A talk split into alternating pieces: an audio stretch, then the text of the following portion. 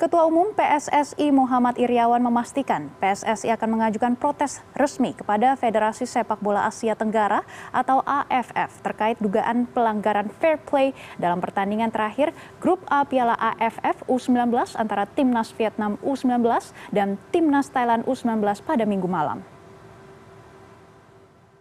Yang kita ingin ajukan ke AFF protes kita adalah berkaitan dengan fair play yang terjadi permainan antara Vietnam melawan Thailand. Yang kita lihat 10 menit terakhir terutama dan memang di Tenggara di tengah-tengah juga demikian. Ada bola yang di tengah terus berputar-putar tapi yang kelihatan adalah di menit uh, 86 ya 84 kalau nggak salah ya. Itu hanya berputar passing-passing di sekitar uh, garis 16 nah kita ingin memastikan uh, bertanya kepada uh, AFF atau protes apakah itu fair play atau tidak ya karena ini menjadi suatu acuan bagi kita nanti kalau itu dibilang fair play kita akan lakukan itu nanti mungkin suatu saat ya PSSI dikabarkan akan melayangkan surat protes kepada Federasi Sepak Bola Asia Tenggara AFF perihal dugaan main mata di laga Thailand versus Vietnam. Dan untuk mengetahui informasi terkini, sudah ada Diego Basro yang akan melaporkan untuk kami. Selamat pagi Diego. Menurut Anda bagaimana evaluasi internal dari PSSI dan Timnas U19 karena gagal menang melawan Thailand dan Vietnam? Ya, selamat pagi Maggie. Memang eh, cukup disayangkan ya Timnas U19 Indonesia tidak mampu lolos ke babak semifinal Piala AFF U19 mengingat uh, regulasi head to head yang membuat Indonesia tidak mampu lolos ke babak semifinal tersebut dan uh, sebenarnya kita harus mengapresiasi perjuangan yang dilakukan oleh anak-anak timnas U19 di Piala AFF U19 kali ini. Mana sebenarnya uh, penampilan anak-anak skuad Garuda Nusantara ini cukup baik. Mereka mencetak 17 gol uh, dan hanya kebobolan 2 gol. Beberapa hal jadi hal positif dapat kita ambil dari turnamen ini di mana coach Sinteyong sendiri mengatakan bahwa terjadi perkembangan yang pesat oleh anak-anak timnas U19 dari segi mental dan juga segi fisik. Hal tersebut memang cukup terlihat di babak grup uh, Piala AFF yang lalu di mana uh, secara fisik pemain-pemain Indonesia bisa bermain dengan intensitas yang sama selama 90 menit. Kemudian secara kekuatan fisik juga mereka bisa bersaing dengan rival-rival mereka seperti dari Thailand dan juga dari Vietnam khususnya kemudian dari mental juga mereka terlihat uh, tidak mudah menyerah meskipun uh, gagal mencetak gol mereka masih terus mencoba untuk mencetak gol dan terlihat ada tim spirit yang cukup bagus di antara para pemain timnas U19 dan uh, satu hal baik lagi yang perlu menjadi catatan pada babak grup ini adalah bagaimana terjadi perubahan organisasi permainan yang baik ditampilkan oleh uh, timnas U19 ini terutama saat fase defending dan juga transisi mana uh, organisasi defending ini dapat kita lihat dilakukan secara baik ketika Indonesia berhadapan dengan Thailand. Ketika itu anak-anak uh, skuad Garuda Nusantara berhasil menerapkan mid block defending yang kemudian menyulitkan timnas Thailand untuk mengakses area tengah sehingga timnas Thailand yang sebenarnya bermain dengan gaya bermain uh, penguasaan bola yang cukup bagus terpaksa harus bermain uh, direct melakukan long ball long ball ke arah depan yang kemudian mampu dengan mudah diantisipasi oleh anak-anak timnas U19.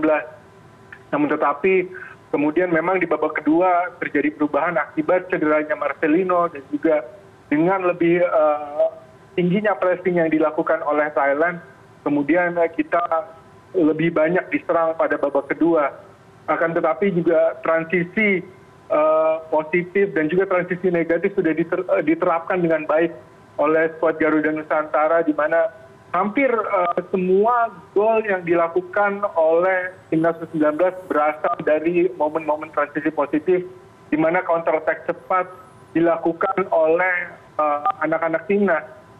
Selain itu juga ketika transisi negatif dari menyerang ke bertahan anak-anak timnas juga dapat cepat mengambil keputusan apakah harus melakukan counter pressing atau uh, mundur ke belakang untuk uh, mereorganisasi kembali formasi bertahan mereka di area pertahanan sendiri. Dan uh, walaupun ada hal-hal positif yang kita lihat di babak grup Piala AFF U19 ini bukan berarti tanpa catatan Maggie, tapi ada beberapa catatan yang harus baiki lagi oleh timnas U19 terutama di fase build up ketika membangun serangan dari bawah oleh timnas U19 terutama ketika Marcelino Ferdinand yang merupakan salah satu pemain kunci yang berperan sebagai playmaker di tim ini cedera ini tampak sekali timnas U19 kesulitan untuk membangun uh, build up secara konstruktif dari bawah karena tidak ada pemain yang dapat melakukan progresi dari lini pertahanan menuju lini tengah dan juga didistribusikan ke lini serang. Nah, uh, salah satu solusinya sebenarnya adalah mungkin Shin Taeyong dan jajaran pelatih harus dapat mencari pemain-pemain lagi yang dapat berperan sebagai playmaker seperti Marcelino Ferdinand atau mungkin dapat mencari pemain-pemain winger atau striker yang mempunyai kemampuan playmaking yang baik sehingga dapat membuat progresi dari uh, area bertahan Indonesia menuju area pertahanan lawan itu bisa dilakukan dengan baik. Apabila kita melihat contohnya di timnas senior kita punya pemain-pemain seperti Witan, kemudian ada juga Egi Maulana Fikri yang sebenarnya berposisi sebagai winger tapi mereka berperan sebagai playmaker menjadi ujung menjadi uh, titik utama serangan timnas Indonesia untuk melakukan progresi. Dan selain itu apabila kita melihat contoh lain uh, dari tim-tim yang menggunakan sistem yang sama yaitu 1-3-4-3, kita dapat melihat Chelsea di era Antonio Conte di mana mereka mempunyai Eden Hazard atau di Atalanta ketika ditangani oleh Gianpiero Gasperini. Mereka punya uh, sosok Papu Gomez yang bisa memprogresi serangan. Ketika tekanan datang ke lini tengah mereka melakukan progresi dari sayap dan dari sayap tersebut kemudian muncul winger-winger playmaking ini yang kemudian melakukan progresi ke area pertahanan lawan. Inilah sosok-sosok pemain yang harus dicari oleh uh, timnas U19 untuk menghadapi kualifikasi AFC kemudian uh, Piala Dunia tahun depan. Dan juga salah satu hal yang perlu diperbaiki oleh timnas U19 adalah terkait dengan finishing yang masih harus diperbaiki karena melawan Vietnam ada banyak sekali peluang eh, di depan gawang yang seharusnya dapat berbuah gol akan tetapi gagal diselesaikan oleh para pemain. Dan memang mencari striker ini menjadi PR di semua kelompok usia timnas baik uh, timnas senior, U23, U19.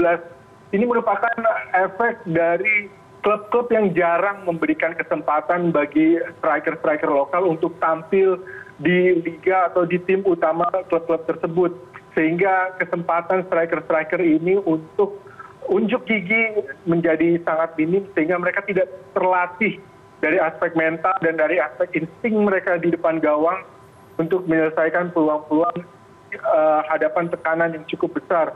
Dan tentunya kompetisi usia muda menjadi krusial untuk uh, melatih insting, melatih bagaimana mereka menghadapi tekanan di depan gawang ini, kemudian juga bagaimana melatih visi para pemain atau winger-winger dan pemain tengah untuk memiliki visi permainan yang cukup baik tadi. Kompetisi ini apabila kita berkaca uh, di apa dengan apa yang telah dilakukan oleh PSSI sebenarnya sudah cukup baik. Tahun 2018 sudah diluncurkan Elite Pro Academy uh, U16 kemudian juga disusul dengan U18 tetapi memang kita masih cukup tertinggal apabila dibandingkan dengan uh, negara tetangga kita Thailand. Kita tahu sendiri di Thailand kompetisi usia mudanya sudah sangat terstruktur dengan baik. Mereka punya kompetisi uh, usia muda mulai dari tingkat U19 sampai ke U12. Sangat berbanding terbalik dengan Indonesia hanya mempunyai kompetisi U16, U18 dan U20 dan itu saja menjak pandemi kemarin eh, berhenti Baik. dan hingga saat ini di tahun 2022 ini masih belum dimulai uh, Elite Pro Academy kembali. Baik. Dan kompetisi inilah yang menjadi kunci Maggie, bagi perkembangan pemain-pemain muda. Baik, semoga langkah-langkah dari PSSI ini bisa membuahkan hasil yang adil untuk semua pihak. Terima kasih produser lapangan CNN Indonesia Diego Basro atas analisa Anda. Semoga, uh, selamat bertugas kembali.